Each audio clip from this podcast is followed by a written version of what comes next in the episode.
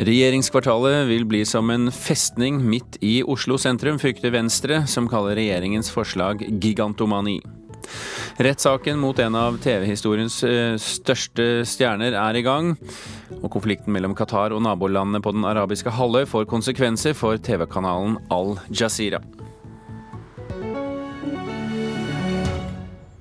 Dette er blant sakene vi skal snakke om i Kulturnytt i dag, hvor vi også får besøk av filmskaper Hans Petter Moland, som etter mange år har fått penger til å lage filmen basert på boken Ut og stjele hester. Men vi begynner i Oslo sentrum. Venstre går inn i valgkampen og vil slåss for et mindre regjeringskvartal. Partiet mener prosjektet vil bli altfor stort og vil ødelegge byen. Det er en gigantomani. Sju forslag til hvordan et nytt regjeringskvartal bør se ut, er lagt frem. Alle lider av det samme, sier Ola Elvestuen fra Oslo-benken på Stortinget og nestleder i Venstre. Planen som foreligger forutsetter å samle alle unntatt ett departement i eller mellom den markante Høyblokken og Youngstorget på baksiden av kvartalet.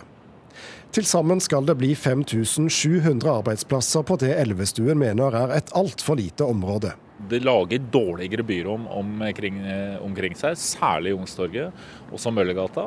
Og så ser jeg vanskelig at du skal klare å lage gode byrom i innafor regjeringskvartalet. Eh, fordi det blir så store, store volum. Og så blir den liggende der som en slags sånn festning som grager over sentrum av, av byen. Tidligere statsminister Kåre Willoch har lang fartstid i regjeringskvartalet. I et innlegg i Aftenposten stusser han over at vi i et land med god plass planlegger som om vi har plassmangel. Også byantikvar Janne Villberg er bekymret over at byggeplanene ser ut til å være langt større enn det byen tåler. Det er jo veldig få som har tro på at man skal få til noe særlig eh, byliv knyttet til dette. For det skal jo ikke være noe eh, åpen og utadrettet aktivitet på gateplan. Det har jo Statsbygg sagt. Da blir det jo Festung Hammersborg da. Det er Statsbygg som leder det omfattende byggeprosjektet. Rammen er satt av en statlig reguleringsplan og en utredning av hvor god plass man trenger til alle byråkratene. På bakgrunn av dette har sju arkitektgrupperinger levert sine forslag og skisser. Når vinneren kåres, kan det likevel gjøres noen endringer, sier kommunikasjonsleder i Statsbygg Pål Veiby. Dette løsningsforslaget er det som vil legges til grunn når man jobber videre. Og da kan det nok utvikles og utarbeides på mange måter, men innenfor de rammene som allerede er lagt fra regjeringens side. Men rammene er feil, mener Elvestuen, og foreslår å la flere departement bli der de er. Han misliker også symbolikken i et ruvende regjeringskvartal. Å legge så store volumer inn i regjeringskvartalet også er feil, når vi ser det opp mot Stortingets betydning. Stortinget, Slottet, aksen eh, der, som jo er den viktigste vi har. Eh, og da må også regjeringskvartalet i volum tilpasse seg det, i stedet for at det skal bli den nye, dominerende samlingen av bygg som eh, nå forslagene legger opp til. I Statsbygg er Pål Veiby rimelig trygg på at prosjektet kommer til å gå som regjeringen har skissert. Signalene vi har fått fra departementet og da fra da regjeringen, er jo at dette har vært en eh, solid prosess og, og, er en robust beslutning. Eh, skulle regjeringen, Stortinget, endre seg, så er jo det noe Statsbygg må forholde seg til. For før byggingen starter, skal det hele byggesaksbehandles i Oslo kommune og til slutt vedtas av Stortinget. Det gir Venstre håp om å kunne kjempe seg til en posisjon i valget til høsten som kan åpne for endringer. Byantikvaren vil også bruke sine kanaler til å påvirke. For Janne Villberg frykter det blir vanskelig å si nei til private utbyggere i nabolaget med et stort og høyt regjeringskvartal. Vi vet i nabogårdene, nabokvartalene, så foreligger det planer for store høyder. Og det betyr at vi kan komme til å se at hele denne bydelen vil se sterkt annerledes ut. Rett og slett Manhattan eh, i Oslo. Og Hvis du vil se det som eh, omtales her som Manhattan i Oslo, så er de sju forslagene eh, klare til å ses på på våre nettsider, nrk.no, eller som modeller i 22. juli-senteret i selve eh, regjeringskvartalet. Reporter her, det var Thomas Alvastein Ove. Kulturkommentator i NRK Agnes Moxnes, vi hører her uttalelser om gigantomani og festung Hammersborg. Er det det? Eh, det nye regjeringskvartalet sånn som det er foreslått nå, det kommer til å bli høyt, det kommer til å bli tett. Det kommer ikke til å bli særlig mye byliv etter utover kontortid i sentrale bystrøk. I tillegg så kan festung-begrepet brukes fordi at kravet til sikkerhet kommer til å være skyhøyt. Så når alt dette skjer på ett sted i en ikke så veldig stor by, så er det selvfølgelig krevende for dem som bor her og dem som ferdes her. Men hvorfor blir størrelsen på regjeringskvartalet en sak nå, når to regjeringer har banket dette gjennom etter hverandre? Eh, det er jo fordi man først nå kan se i hvor stor grad regjeringskvartalet kommer til å påvirke Oslo sentrum. Eh, nå er reguleringsplanen klar, og de syv arkitektkontorene som har levert eh, forslag til, til hvordan det nye regjeringskvartalet skal se ut, de forslagene viser jo tydelig størrelsen og, og tettheten. Men har og vi må stille dette spørsmålet siden Venstre er i gang nå. Har denne prosessen vært god? Altså På veldig mange måter så har det vært en veldig interessant eh, prosess. Det er mange steiner som er snudd, og mange tema som er blitt diskutert av fagsterke folk. Men det er ett absolutt krav som ligger til grunn for hele tankegangen her, som ikke er blitt utsatt for en skikkelig offentlig debatt, og det er det faktum at man skal plassere alle departementene, med unntak av Forsvarsdepartementet, på ett sted. Og det er en sikkerhetspremiss som har styrt hele denne kjempeprosessen. Og hvis man holder fast på den, så blir regjeringskvartalet sånn som det nå er, er eh, foreslått. Men nå som vi altså ser de fysiske realitetene, eller i hvert fall skisser og modeller av de fysiske realitetene på denne politiske avgjørelsen, bør debatten om samlingen av alle departementene minus forsvar tas opp igjen? Ja, den, jeg syns den bør det. Eh, særlig spørsmålet om Utenriksdepartementet bør være, fortsette å være der det er. Det er en historisk eh, beliggenhet mellom Slottet og, og Storting. Og hvis Utenriksdepartementet blir der de er, det er jo det største departementet av dem alle, så løses det egentlig opp i alle disse eh, flokene. Venstre ønsker det. Men blir dette et tema i valgkampen, tror du? Ja, I Oslo kan det godt eh, bli det. Arbeiderpartiet, SV og Miljøpartiet De Grønne, som sitter og styrer byrådet, de er ikke noe glad for det de ser. Men så er det spørsmålet hva moderpartiene tenker. Og det mest spennende nå, syns jeg, det er jo hva Arbeiderpartiet sentralt kommer til å mene om dette. Og når får vi vite det, tror du?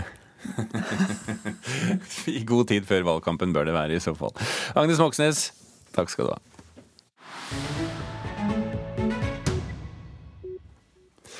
Om to måneder overtar britiske Annelise Miss Kimmen direktørstillingen ved Den norske opera, og alle som har hørt på Kulturnytt de siste ukene vet at det har stormet rundt henne allerede før hun begynner. Men vår avislesende reporter Oddvin Aune, i dag får vi vite mer om hennes fortid, ikke sant? Ja, Aftenposten har da undersøkt hvordan det gikk sist eh, Miss Kimmen var operasjef. Eh, det var hun i Århus mellom 2013 og 2016. Og Aftenposten forteller at hun i de tre årene opplevde en kombinasjon av suksess og kraftig kritikk. Eh, hun får ros for å ha fornya operaen, og flere av oppsetningene der fikk veldig bra omtale. Og Samtidig tok hun i bruk eh, yngre utøvere og nådde et eh, yngre publikum. Men Aftenposten forteller også at det i en arbeidsmiljøundersøkelse ble avdekka det som omtales som seriøse trivselsproblemer. Og hun blir også beskyldt for å ha en udemokratisk eh, lederstil. Eh, Miss Kimmen sier sjøl til avisa at tida hennes i Danmark eh, har blitt fullstendig gjennomgått før hun ble ansatt i Oslo, og, og at hun må ta vanskelige beslutninger for å kunne holde det hun ønsker med tanke på en høy kunstnerisk eh, standard. Eh, og Styrelederen ved Operaen, Anne unnskyld, Anne Karine Tanum sier til Aftenposten at, at, de var kjent med at det var utfordringer i Århus for Miss Kimmen. Men de var på jakt etter en tydelig og sterk leder som kan håndtere utfordringer. Mm. Så fra Miss Kimmen, som vi foreløpig ikke kjenner så godt, til en vi kjenner ganske godt. When I received the Nobel Prize for Literature, I got to wondering exactly how my songs related to literature. I wanted to reflect on it and see where the connection was. I'm going to try to articulate that to you. Ja, Tematikken avslører jo selvfølgelig litt her, men vi, vi, kunne kanskje også høre hvem det var. Ja, Flere dro vel kjensel på en uh, sær, særegne raspinga til Bob Dylan. Han ble jo tildelt Nobels litteraturpris uh, i fjor, men holdt aldri nobelforedraget sitt i Stockholm, slik man vanligvis gjør. Eh, nå har han endelig summa seg til det, og det vi akkurat hørte der, var et utdrag av et taleopptak som han eh, har eh, sendt inn til det svenske akademiet. Og I det opptaket forteller han om bøker og forfattere som har prega livet hans, med litt sånn koselig pianoklimpring i, i bakgrunnen. Og For at prisvinneren skal få pengepremien på 8 millioner kroner, så kreves det jo at man leveres, leverer et slikt nobelforedrag innen en viss frist. Fristen Dylan fikk var førstkommende lørdag, så han rakk det jo akkurat. Om enn ikke egen høye person. Oddvin Eine, takk skal du ha. Vi skal til USA. En av de største kjendisrettssakene på mange år er i gang der. I går møtte Bill Cosby i retten for første gang i delstaten Pennsylvania, tiltalt for å ha dopet ned en kvinne før han seksuelt misbrukte henne. Og dette er bare én av 60 kvinner som har anklaget ham for seksuelle overgrep. Superstjernen, kjent for norske seere som familiefar i The Cosby Show på 80-tallet, risikerer ti år i fengsel dersom han blir dømt.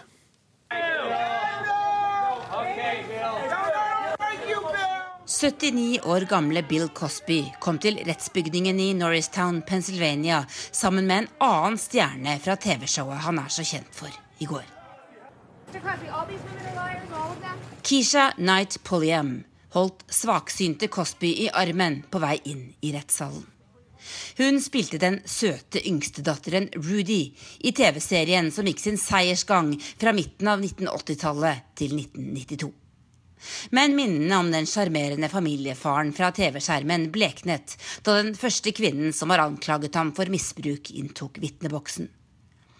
Hun forklarte at Cosby dopet henne ned og misbrukte henne seksuelt på et hotellrom i California i 1996.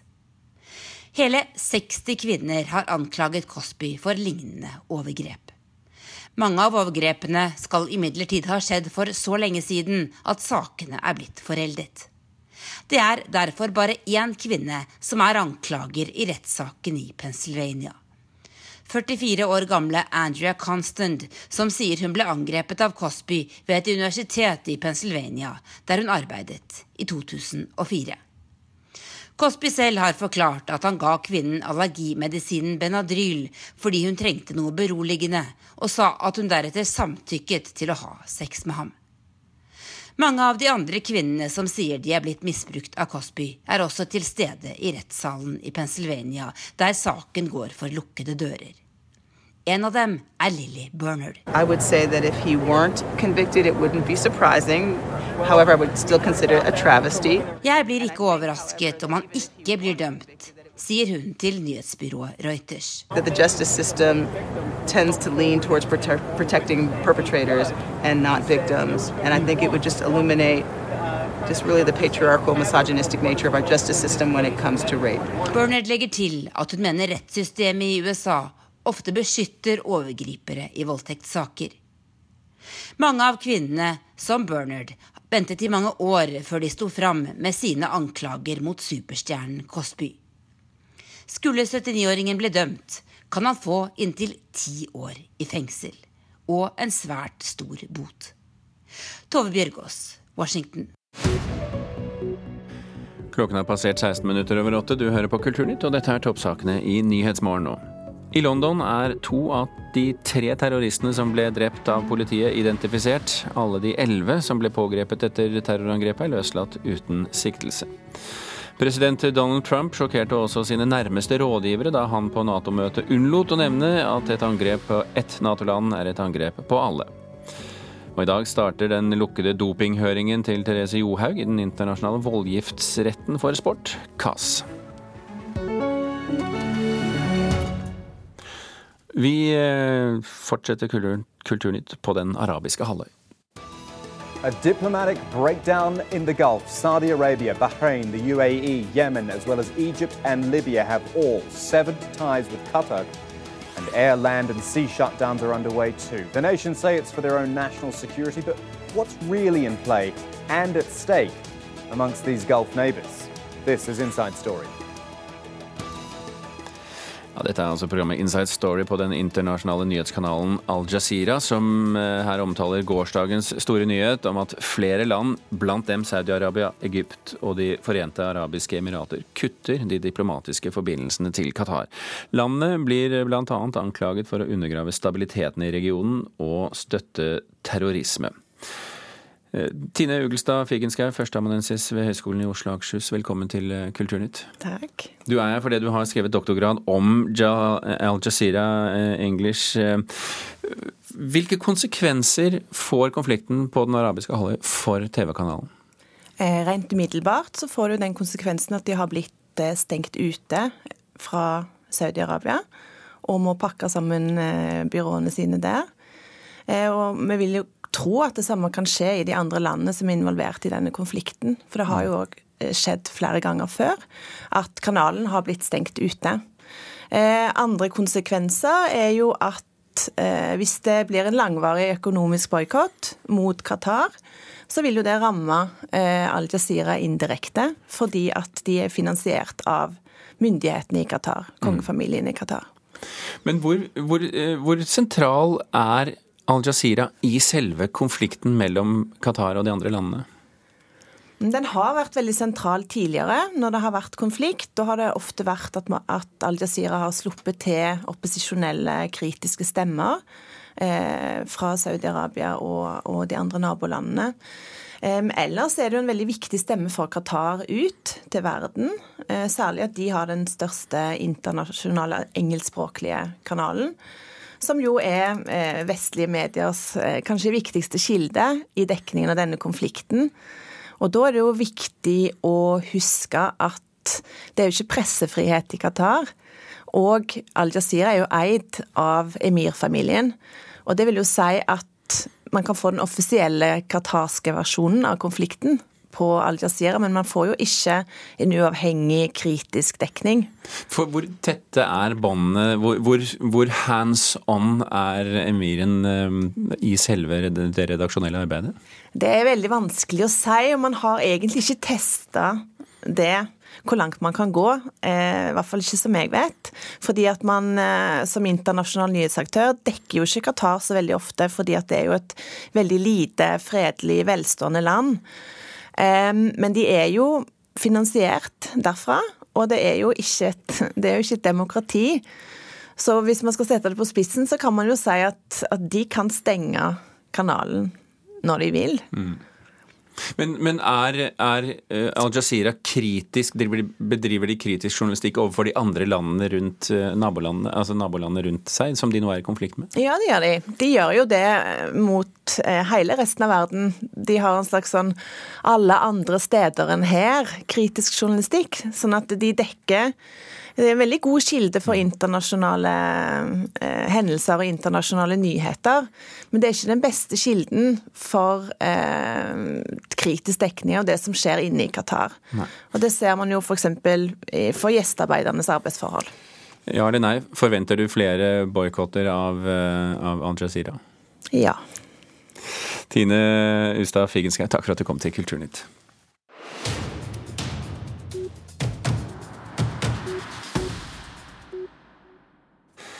Mye av den kritikken som rettes mot krimsjangeren, er at alt er skrevet før. Alt er lest, og ingenting nytt tilflytt sjangeren på lang tid. Men nå, litteraturkritiker Leif Ekle, nå har du lest en bok som i hvert fall delvis motbeviser denne påstanden, hvis jeg forstår deg rett? Ja, Motbeviset er jo å ta veldig hardt i, da. Men eh, det er, det er, noe her som er verdt å ta vare på, ja.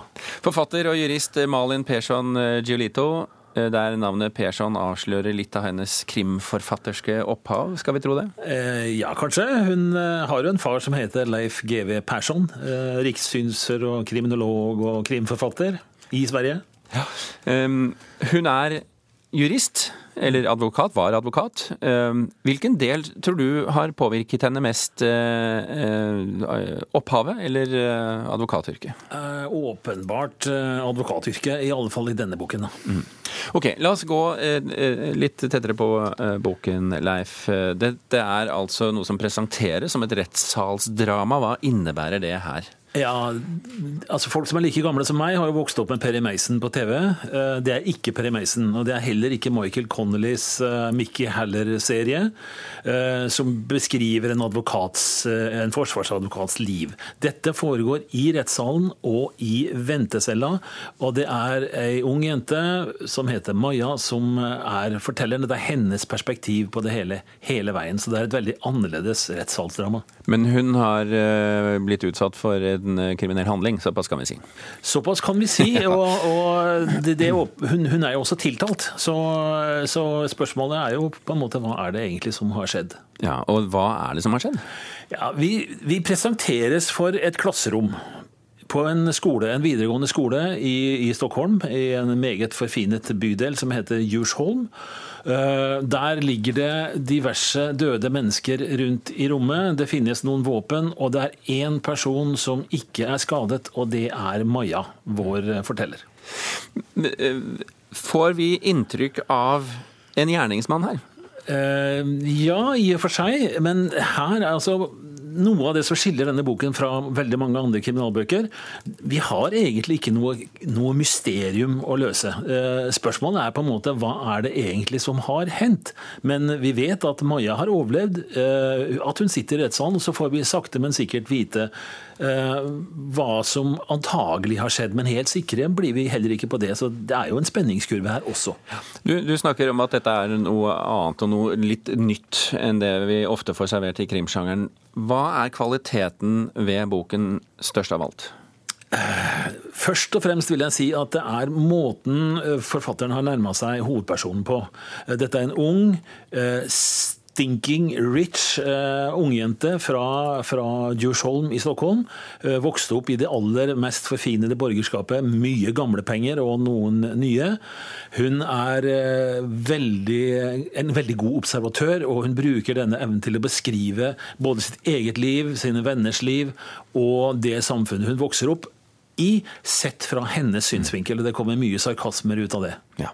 Eh, Leif Ekle, vi runder av der. Takk for at du leste størst av alt eh, for oss. Skrevet altså av Malin Persson Giolito.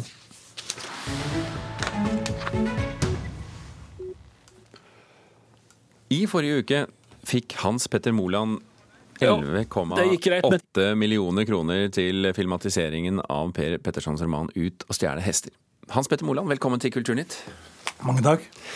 Det har vært jobbet med dette prosjektet i snart ti år, så vidt jeg forstår. Hvordan var det å endelig få de pengene som skulle til for å utløse arbeidet? jeg har ikke holdt på med det i ti år. Nei, men, det, det, det, har vært jobbet. Men det har vært jobbet, ja. Eh, men jeg har holdt på ganske lenge også. Det er en veldig deilig følelse. Det er ikke alle pengene, men det er i hvert fall en forutsetning for å få resten av finansieringen på plass. Mm. Men du har altså villet lage en film av dette, som vi nå etter hvert må nesten kalle en, kalles en ikonisk norsk roman, altså 'Ut og stjele hester'. Hvorfor ville du det? Først og fremst fordi jeg hadde en fantastisk leseropplevelse da jeg leste det første gang. Og dernest så er det jo en, en veldig filmatisk, uh, på mange måter uh, litterær opplevelse. Den uh, har noen utfordringer som nok har preget arbeidet de siste ti årene. som for eksempel? Nei, den har jo et, øh, noen karakterer med et stort indre liv. Øh, og det er jo en, øh, kan være en utfordring på film. Men Du skal jo ha med, med, en skuespiller som du har jobbet med før, nemlig Stellan Skarsgård. Han er jo, han er jo ikke Altså, Hans måte å spille på, sånn som jeg tolker det, er jo en litt sånn stille fasade. Er det lett å få han til å portrettere et rikt indre liv? Eh, jeg håper det. Eh, han har et rikt indre liv, så det er vel noe av det som jeg tror folk lar seg fascinere med Stellan, er at eh, mye av det usagte og fornemmelsen av et, et, liv bak de øynene og bak den pannen eksisterer. Det er jo noe av det som også lever i, i gamle Trond, som han skal spille, som er et menneske som gjerne vil feire nyttårsaften år 2000 aleine og tror han skal være fornøyd med det. Men som begynner å erindre et, eh, et, et liv hvor eh, det er mye som har skjedd. Mm. Det, og minner som kommer etter hvert som man altså flytter fra byen og tilbake til sitt eh, oppvekststed? ikke sant? Ja, og, og, motviljen til egentlig å erkjenne at han eh, ikke klarer seg så bra, bra i verden uten andre mennesker. Dette er jo en bok som er oversatt til 50 språk, lest over hele verden, vunnet utallige utenlandske høythengende, prestisjetunge litterære priser. Hva slags type er du? Går du på det med liksom mot og, vel, og vilje, eller blir du litt redd også? Jeg har alltid sagt at lysten til å lykkes må være større enn angsten for å mislykkes. Og det er nesten en forutsetning for å lage film, tror jeg. Uh, men det er klart at uh, for det første så er det noe som jeg syns selv var en stor leseropplevelse. og det tror jeg nok har gjort at mange mennesker er veldig begeistret for den boken i hele verden også. Og så er det en stor litterær begivenhet, egentlig. Altså, det er en fantastisk roman, det er ikke det å komme unna. Men jeg tror vi har nøkkelen til å lage en film som ikke skal stå i skyggen av den litterære opplevelsen. Hva er den nøkkelen? Nei, Det må man betale 120 kroner for. nei, du må nei, si litt. Nei, jeg, jeg, jeg, jeg syns jo at uh, noe av det som er fantastisk med boken, er jo måten den er formet på. Det er uh, masse spenning og masse um, anskuelig, gradvis anskueliggjøring av de personenes liv gjennom uh, å bevege seg mellom to tidsplan. Uh, så stadig vekk under opplevelsen uh, mens du leser, så får du jo ny input og ny forståelse av de karakterene du har møtt. Du skreller løken litt, rett og slett? Ja, det kan man godt si. Og det tror jeg nok man skal holde fast i når man skal lage film av dette her. Men kommer du inn til noen kjerne til slutt? Føler du at du gjør det? Er det det som ligger i oppdraget ditt? Eh, jeg tror det er et eh, portrett av et eh, menneske som tilsynelatende er lukket, og som åpner seg gradvis for publikum. Og det er en kjerne der, det er helt klart. Hans Petter Moland, gleder oss til å se sluttresultatet når det en gang kommer. Kulturnytt har ikke mer av tiden vår. Vi er nødt til å runde av. Vidar Sem og Birger Kolsrud Aasund takker for følget.